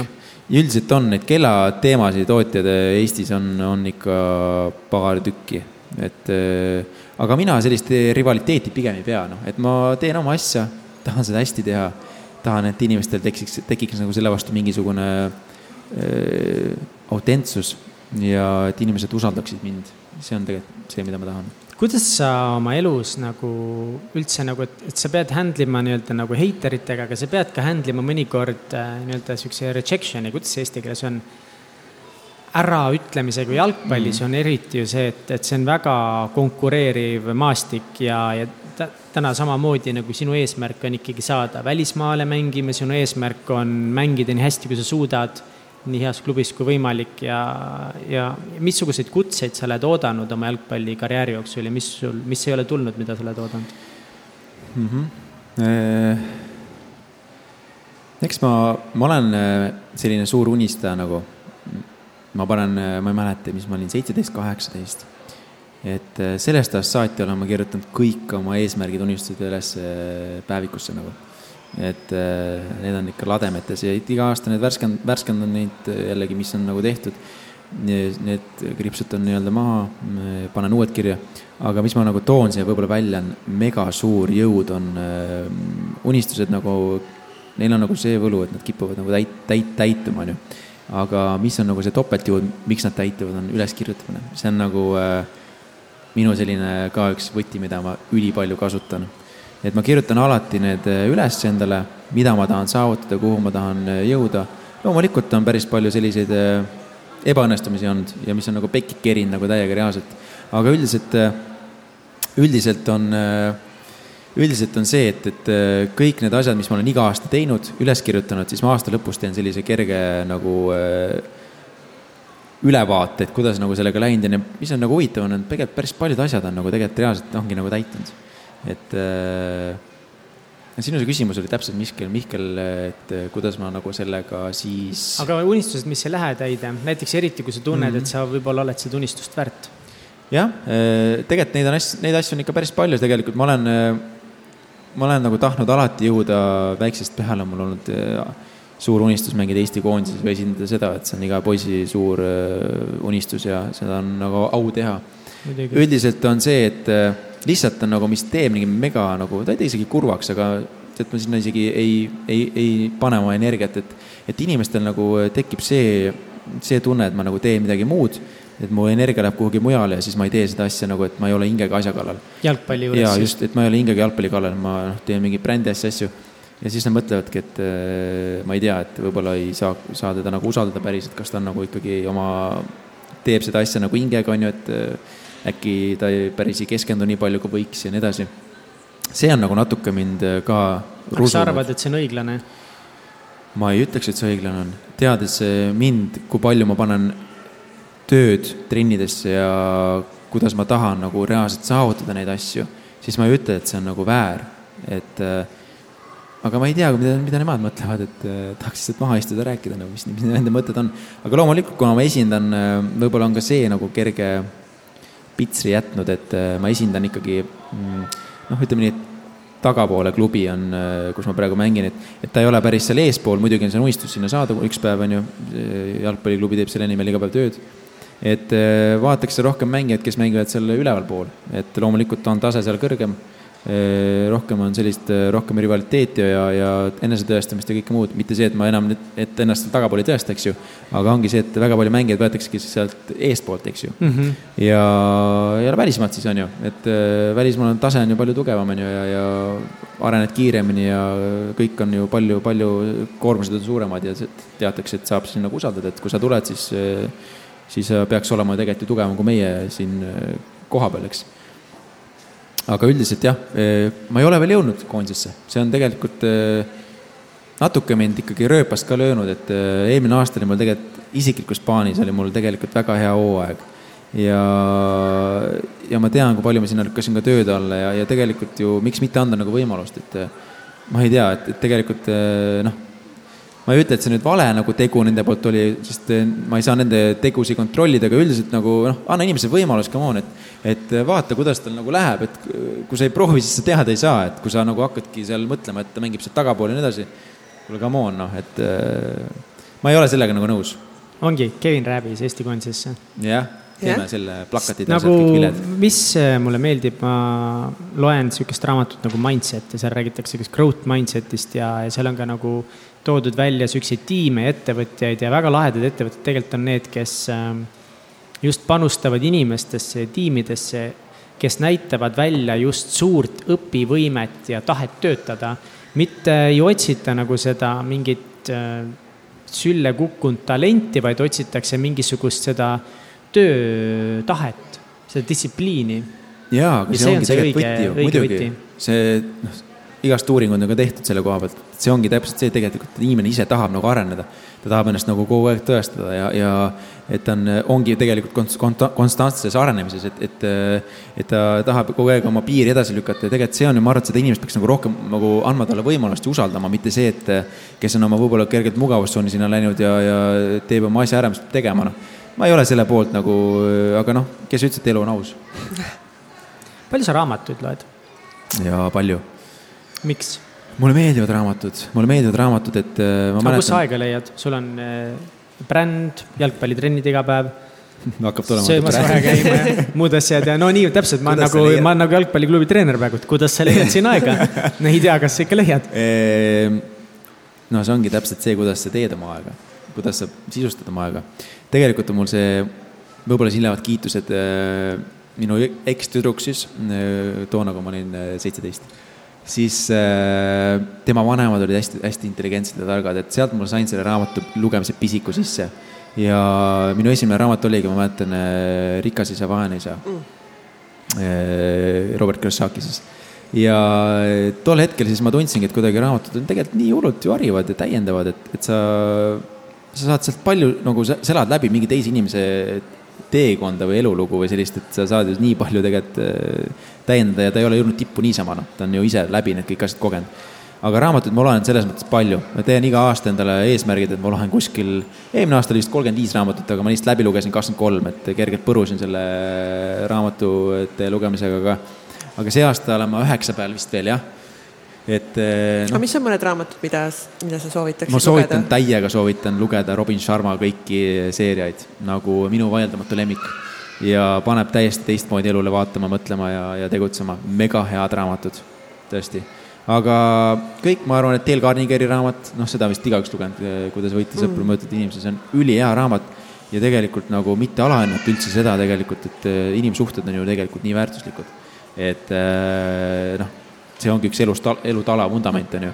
et see raamat nagu on mind mõjutanud nagu metsikult, et äh, kuidas inimestega lävida, kuidas suhelda ja, ja läbi saada ja kõike seda, et mega hullult soovitan seda raamatut. siis loomulikult Napoleon Hilli Kuidas saada rikkaks, klassika, lugege, saate kõik rikkaks loeb raamat ära, raha lihtsalt kukub. autobiograafiad igast erinevad, äh, noh Cristiano Ronaldo, kuld. Eh, samuti mees on tippu jõudnud tegelikult läbi raske töö, noh, et eh, kõik ei ole, midagi ei tule kunagi taevast, kõik tuleb raske tööga, reaalselt tulebki raske tööga. ja, ja ta võibki lubada endale neid naudinguid, mis ta on nagu saavutanud, see on töövili lihtsalt, reaalselt töövili aga sa ennem rääkisid, et sa paned oma eesmärgid unistused kirja, et mm -hmm. äkki sa ütled mõned eesmärgid, mis sul nüüd selleks või järgmiseks aastaks on pandud, mida sa saavutada tahaksid? peaks märkmiku lahti võtma, mul neid nii palju Äh, selle aasta eesmärk tegelikult oli mul äh, lüüa vähemalt äh, üle kümne värava mm, kõrgliigas ja jõuda A-koondisesse. aga ma arvan, et see aasta ma, see on, see aasta on pehki läinud, kuna ma olen tegelikult hästi palju läbi elanud see aasta. et mul on see aasta alguses, ma võtsin endale eratreeneri, ma tahtsin topelt teha trenne, asju, et ma panustasin kõik oma esimese aasta alguse kuud ma lõikasin ennast nagu põhimõtteliselt sotsiaalsest elust välja, mis tegelikult oli üli, noh, tegelikult ma ei tea, vale ta oli, aga alati tulebki elus midagi ohverdada, kui sa reaalselt tahadki kuskile nagu jõuda ja, ja midagi saavutada. aga tulemegi siia võib-olla aasta alguse juurde tagasi, siis jõuame lõpuks selle unistuste mm -hmm. juurde. ja aasta alguses ma põhimõtteliselt võtsin ära treeneri, hakkasin tegema trenni, topeltkergejõustikutreeningud on ju, siis oma treeningud. ja tegin, on ju, kõik kuskil ei käinud väga, oligi põhimõtteliselt rutiin oli kogu aeg sama, ärkasid trennid, trennid on ju, sõid asjad, uuesti magama, loed õhtul mingi raamatut natukene on ju, kuulad mingi. põhimõtteliselt oligi mul see ikka nagu oma ülikool kodus noh, kuula-, lugesin raamatuid ja kuulasin igast erinevaid podcast'e noh. aga lõpuks on see tegelikult, et äh, tegelikult ei, sa pead elama ka elu noh, et äh, kõige tähtsam on ikkagi tasakaal, noh, et sel hetkel ma sain nagu sellest aru, et, et minu kaalukauss oli ikka mega ühte ka, poole kaldu ja minu sotsiaalne elu, ma olin sellest täiesti välja lõigatud ja see sai selleks, selles mõttes see ruusus lõpuks nii, et ma saingi nagu vigastuse. et mul hakkas kannaprobleem, hakkas mind häirima. ja, ja noh, võib-olla toongi siia kohe nagu selle vahemärkus, et äh, tuleb hoida nagu selles mõttes tasakaalu kõikide asjade vahel nagu, et äh, perekond, sõbrad, töö kõik peavad, selles mõttes võiks olla nagu tasakaalus, noh. sa ei saa nii, et sul üks asi, üks kaalukauss läheb liiga hullult välja, siis saab midagi muud kõrvetada, noh. see on, see on nagu fakt, noh. et äh, ma arvan, et äh, sul on enda kogemus ka kindlasti see.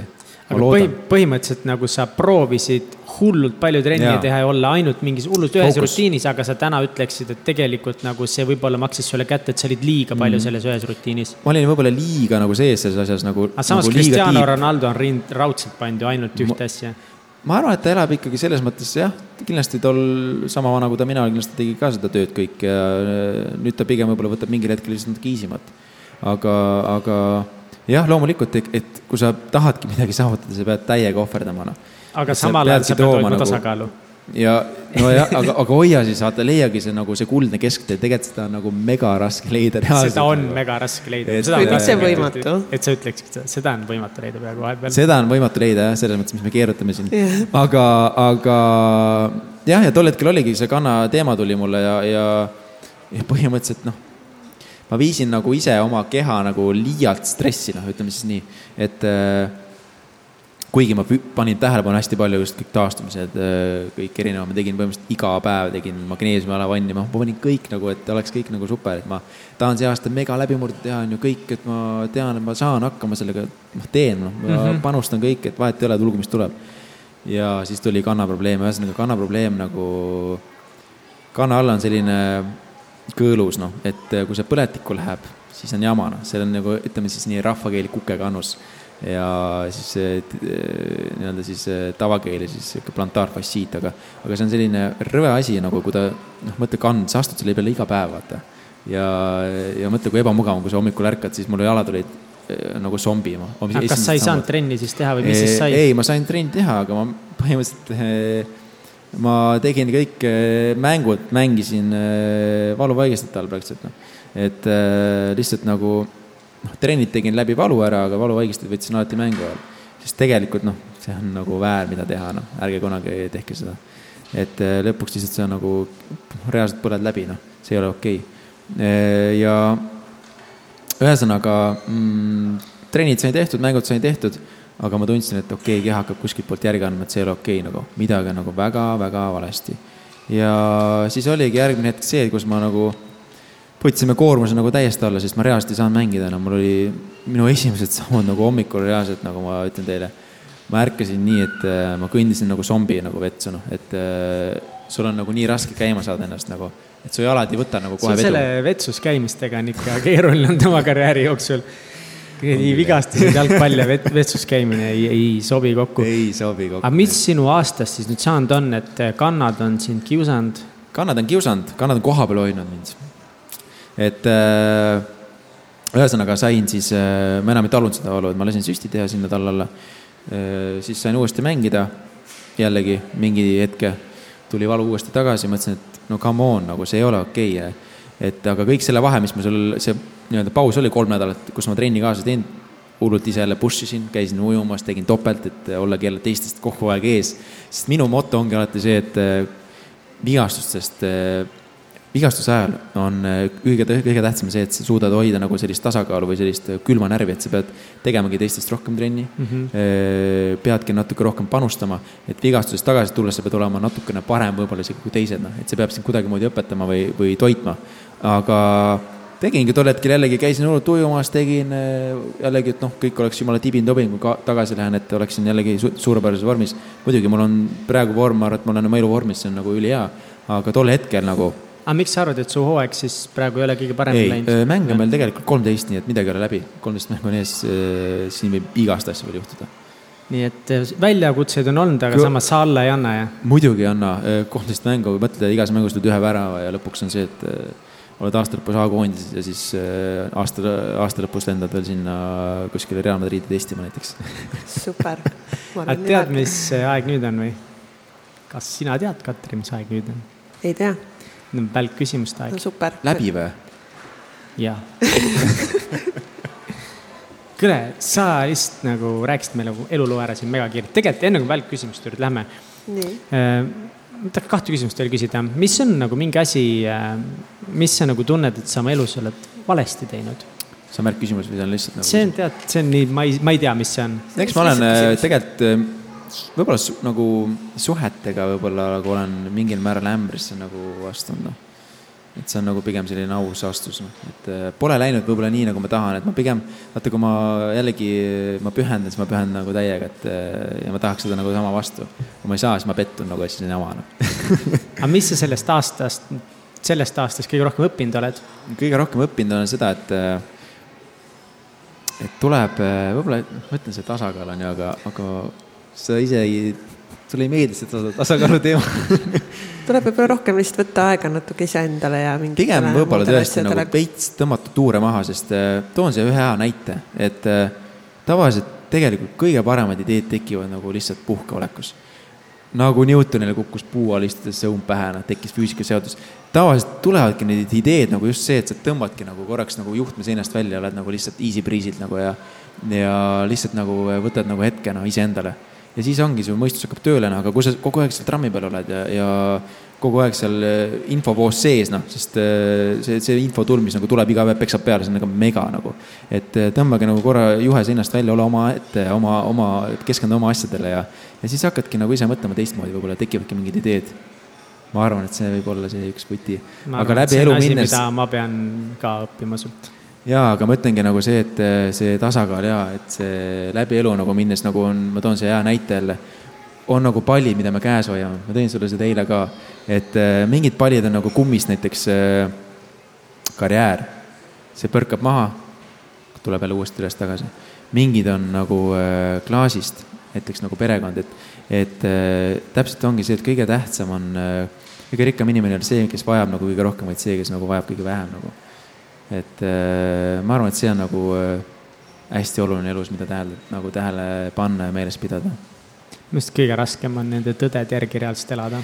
raske jaa, on küll, aga, aga kui sa endale nagu teed selles mõttes selle filosoofika enda jaoks selgeks või nagu sa usaldad seda teed ja sa pead midagi usaldama ka elus ju, come on, sa ei saa nagu ju lihtsalt minna sinna, kus tuul puhub, noh.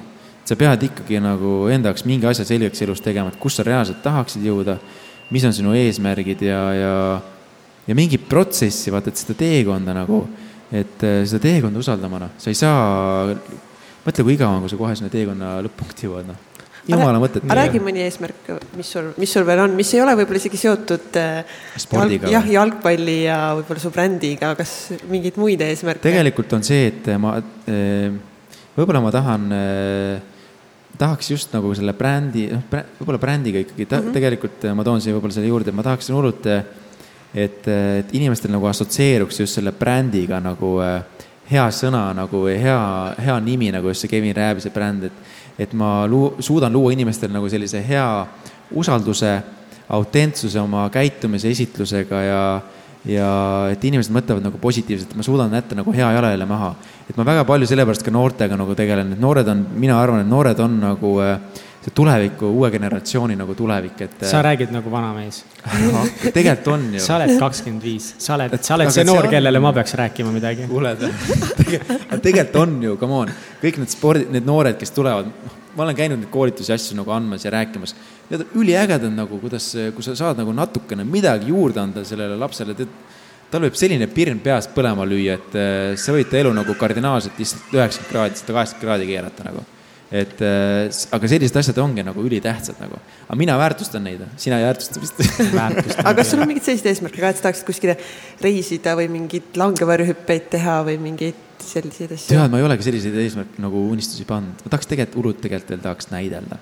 Mm. ja, ja jah, näidelda tahaks nagu, see meeldis mulle, mis ma kunagi tegin, see oli päris äge. nii et kõik produtsendid, palun, teil on siin näitleja. Yes. Kas sul on, nüüd on välkküsimused, by the way no,. aga sa ei pea vastu välgutama, aga sa võid, on soovituslik. kas sul on olulisi rutiine või harjumusi, mida sa teed iga päev või iga nädal mm,? jaa, iga hommikul äh, tõused üles, pesed hambaid. aga ei, äh, ma joon alati hommikul äh, sellise leige klaasitäie sidrunivett, see tõmbab kohe käima organismi. ja pluss sidruni, tegelikult sidrun põletab rasva. apsi, ma ei teadnud kas sa mäletad üldse meie küsimusi? aga tegelikult on see platseebo võib-olla okei okay.? ei, see loeb, platseebo, super, ma armastan platseebot. Teiega, aga ma panen mingi randomit praegu, aga milles sa väga hea ei ole? milles ma väga hea ei ole või? võib-olla ei ütlemises nagu. meile tegelikult ma võib-olla hullult paljude asjadega nagu, mis on võib-olla üks miinus, ma olen nagu, ma ei suuda ei vaata öelda, et ma ütlen kogu aeg jaa nagu, et ma lähen kaasa mingite asjadega, aga, aga võib-olla tuleb ajaga see, et sa hakkad mingeid mööndusi tegema nagu mingite asjadega, et sa võib-olla tulebki praegu ei öelda täiega, siis võib-olla kunagi lihtsalt valid, ütled väikestele asjadele ei ja suurematele jaa. ei tea, eks elu näitab. aga ma ei oska ei öelda jah, mingitele asjadele jah, see on päris suur asi, mida ma ei oska reaalselt. mille üle sa oled kõige uhkem oma elus? kõige uhkem? ülihea küsimus. üli, üliuhke olen selle üle tegelikult, mul on nii armastav perekond kõrval ja mul on nii head sõbrad nagu, kes reaalselt nagu toetavad ja üliuhke on selle üle, et ma tegelikult olen jõudnud nagu oma, et ma olen olnud nii distsiplineeritud ja ma olen jõudnud nagu oma spordi ja oma selle kõige teekonnaga ja kõige sellega, mida ma olen teinud, et äh, olen jõudnud siia punkti, kus ma nagu täna olen. et äh, lihtsalt võib-olla korraks äh, peatuda, et nagu hinget tõmmata ja mõelda, et tegelikult äh, et korraks ka seda hetke nagu äh, mõt-, mõelda ja nautida nagu, kus sa nagu oled, et ja siis jällegi edasi panna täiega mis on kõige pöörasem asi, mis sa elus teinud oled ja kas sa teeksid seda uuesti? kõige pöörasem asi või? oh, ma olen selles mõttes ikka suht nagu beebi, noh ma olen suht selles mõttes rahulik ja paipoiss. kuule, sa ei ole pöörast asju teinud, sa käid ainult trennis ja mingi paned proteiinijooke. proteiinijooke ja, ja, ja tablad sisse. ja ma tegelikult olen üsna selles mõttes nagu paipoiss pigem vist. ai, aga tegelikult äh, rääkides sinu kellabrändist, siis nagu jalgpallur on seda teha ja arvestades, mis tagasisidet sa saanud oled jalgpallimaastikul näiteks, siis see on päris pöörane vist on. jaa, see on megapöörane, aga pöörane on tegelikult ka see, et, et kui mõelda nagu, siis ma tõmbasin kõik oma need säästud ja asjad, tegelikult tõmbasin toodet nagu kellabrändi alla nagu, kui nagu nii äh, korraks tagasi aega keerata, et äh, ega ma tol hetkel ei teadnud, kust see asi nagu jõu-, võiks jõuda ja kus see nagu tegelikult, millega see kõik päädib et äh, ma lihtsalt mõtlesin, et ma usaldan seda, mida ma teen ja parim investeering on iseendasse. see oli üks kuldne lause, mida ma mõtlesin. ma mõtlesin, et hea küll, noh. kas äh, all in või mitte midagi, noh. ja näed, nii läkski, noh. see oli ka pöörane hetk tegelikult ja ma mõtlen ka seda tagasi, tagasi nagu aega kerides. et korralik aeg oli see ikka. noh, mäletad järgmist sketši? sinu küsimus on aa, ups minu viga. mis on edu võti? edu võti? kahe lausega ma liiga palju plätran või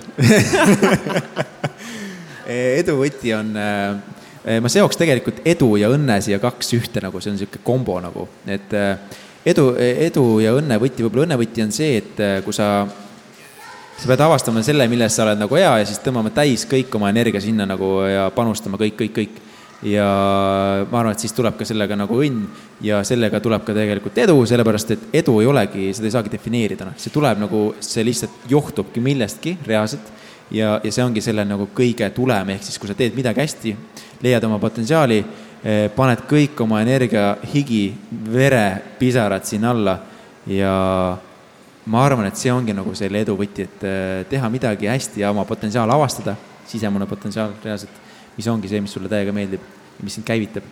ja, ja siis tulebki see edu ja see teeb ka sind rõõmsaks kuule, see on täiega see kats, mis sinagi ikka ütlesid, et tegelikult ikka tuleb panna viiskümmend aastat hullu ja küll see tasakaal on siis, kui sa juba edukas oled. no kas just viiskümmend aastat, aga mõned aastad või kümned kindlasti. aastakümned kindlasti. jah, siis tuleb hullu panna. ma ei, ausalt nüüd enam ei mäleta seda küsimust. kuule, aga sa oled megatubli olnud, sest ma nagu loen maha neid ikka ainult segamini. nii et ähm, ühest kümneni küsimus. aa, ühest kümneni, kui veider sa oled?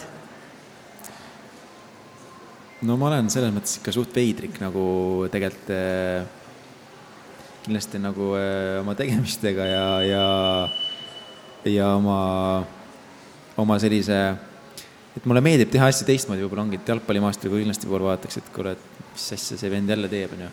aga mul on jumala jumala suva tegelikult, et äh, tulebki olla veits veider, noh, see ongi uus mood tänapäeval et siis kümme? Paneme kaheksa. kaheksa. arengu, arenguruumi ka veel, on arenguruumi. kus meie kuulajad sinu tegemistel silma peal saavad hoida? kuulajad saavad äh, hoida silma peal, olen tegelikult igal pool olemas. Facebookis, Instagramis okei okay,, ratet enam pole, Orkut pole, aga, aga Instagram ja Facebook tegelikult on põhilised, kus ma olen olemas. mis su saab... ratte kasutaja oli? Hot Chiller mul oli Keto nelikümmend viis. hea töö, aga nüüd leiab sind siiski Kevin Räbise nime alt, ma oletan e,. ratest mind enam ei leia. Hot Chiller me oleks nii hea tiimi teinud, Hot Chiller ja Keto nelikümmend viis. nii kaua gängil olnud. aga aga ratast, ratast ei leia. Eh, Facebookist leiab mind tegelikult Kemi Rääbise alt ja Kemi Rääbise brändi alt on mul seal kolm lehte isegi olemas, brändileht, minu enda isiklik leht ja jalgpallileht, kus ma kajastan kõiki oma tegemisi, uudiseid ja läbi eh, nii-öelda ebaõnnestumisi ja kõik õnnestumisi ka, et eh, hoian teid kenasti kursis. ja Instagram on loomulikult ka olemas, kus ma olen aktiivne inimene. ei ole veel püssi nõrka visanud jaa, blogis olen ka, kus mm, blogi on natukene tegelikult unarusse jäänud, noh, et. no äh, nii, no nii. jaa, praegu on, et äh, tegelikult peaks selle uuesti ellu äratama. natukene võib-olla särtsu andma tagantpoolt, aga, aga ma võib-olla parandan ennast ja teen seal mingi uue postituse, aga üldiselt jah, blogis saab lugeda minu tegemisi, panen selle kõiki, äh, jalgpallist räägin äh,. igast võib-olla annan nõu teile mingitel teemadel, küsige ka julgelt, kui mingis ägedaid teemasid võin kirjutada sellest ja mm, Instagramis olen ka olemas äh, Kevin Raabis ja KR brändi alt võib ka leida. et, et igal pool on põhimõtteliselt sots, sotsiaalmeedia on tegelikult äh, suur ja seal olen, olen esindatud ja koduleht on ka muidugi kevinraabis.ee, et äh, seal on ka kenasti kõik info minu kohta, kõik tooted üleval ja äh, kõigest saab ka esim-, küsimusi esitada ja, ja, ja kui on mingeid infosi, koostööpakkumisi või suhteid äh, luua, uusi, siis millega sa enam ämbrisse ei satu, astu, on ju? uued suhted. suhted jaa. Selles mõttes koostöösuhteid meil on sulle, kuna sa oled palju raamatuid, siis meil on raamatu, kui sa oled suht palju raamatuid lugenud, me loodame, et sa ei ole lugenud seda, selline raamat nagu Imede hommik nimede hommik ei ole lugenud, jaa. super, jess, väga hea, aga see on päris lahe raamat, me Katsiga oleme proovinud eh, seda kunagi järgida, meil ei tulnud välja. mis see paar, paar eh, nüanssi? tead, see räägib sellest, kuidas oma hommikuid kick-startida üliedukalt, seal on sihuke metoodika, mida sa pead iga hommik järgima ja siis sa võidad päeva lihtsalt ja tegelikult, kui neid asju teha, siis sa võidadki päeva, aga kui sa neid ei tee nagu meie, siis sa võidad päeva võib-olla veidi nõrgemini. no mille taha asi on jäänud siis, Mihkel? kutis, kutisime ära lihtsalt üks, üks hommik, meil oli niimoodi, et me pidime üksteisele helistama iga hommik, et kuule, et kas ärkasid üles, kas sa teed neid asju. ja siis ühel hommikul lihtsalt kummagi telefon ei helisenud ja me teadsime, me teadsime, et seda kõne täna ei tule ja siis oli kõik. jah, aga siin siis jah, Million Mindseti poolt sulle üks raamat juurde. väga suur. saan aru, et sul on veel aasta lõpuni vaja mõned raamatud ja. lugeda, siis eh, saad ka saad ka seda lugeda ja Kevin täiega aitäh, et sa tulid meile täna siia saatesse ja ma arvan, et väga paljud inimesed eh, saavad sellest podcast'ist eh, kasu ja head infot ja sinu hea energia ja positiivsus ja sära on see, mis meid sütitab ja aitäh sulle. üks asi, mis mulle sinu juures kõige rohkem meeldib ja miks ma nagu, miks mulle meeldis lugeda sinu kohta ja miks mulle meeldib sinu lugu, on see, et, et sa oled üks kõige suurem võitleja hing, kes meil saates käinud oled on, et, äh, et see sinu võitleja hing, see mindset, et sa lihtsalt ei anna alla ja sa push'id edasi ja sa push'id nii kõvasti, on hullult inspireeriv ja, ja ma arvan, et äh, nendel hetkedel, kui ma tahan oma moblas mobiilimängu mängida, siis ma peaksin äkki rohkem mõtlema selle peale, et kas Kevin teeks praegu trenni või mängiks moblamängu. või arendaks oma ettevõtet. jah. jah ja. ja mega suur tänu teile ka. üli, üliäge saade, aitäh, et kutsusite, ma soovin teile ainult edu, suuri mõtteid ja, ja olge te tublid ja ma loodan, et me kohtume veel. kindlasti kohtume. täiega loodan. ega meist, meist enam lahti ei saa. Teie positiivsus nakkab. aitäh. tšau. ei ole, oota nüüd. ei ole või? ei ole veel. rahu, kõigepealt täname Kristiine Keskust, kes meid täna siia. see väike asi kutsus oma esimest äh, laivi tegema ja aitäh kõigile, kes täna tulid siia meid äh, kuulama ja enne me tegime ja. ka oma esimese podcast'i koolituse, mis oli päris äh, päris lahe, inimesed tulid kuulama, tore. ja follow ge kindlasti meid Instagramis ja Facebookis, igal pool, kirjutage meile, keda te tahaksite saatesse külalisteks, mida me võiksime teistmoodi teha, paremini teha ja varsti meie uus hooaeg. issand, mul läks meelest ära, meil tuleb teine hooaeg ju, nii et ja. ja, nii et see oli kickstart meie teisele hooajale, mis tuleb kindlasti väga lahe. ja, ja üliäge tegelikult, et need inimesed tegelikult tulid siia, ma mõtlen, et poolteist tundi kuulata äh, juttu ja oma aega pühendada siia. ei ole hullu, pooled läksid ära, nii et. noh, reaalselt no nagu, ei, reaalselt nagu müts maha tegelikult, nagu äh, ma loodan, et teie aeg oli nagu sisustatud hästi reaalselt. üliäge. Aitäh Üliäge. kõigile ja kuulamiseni. tšau. tšau.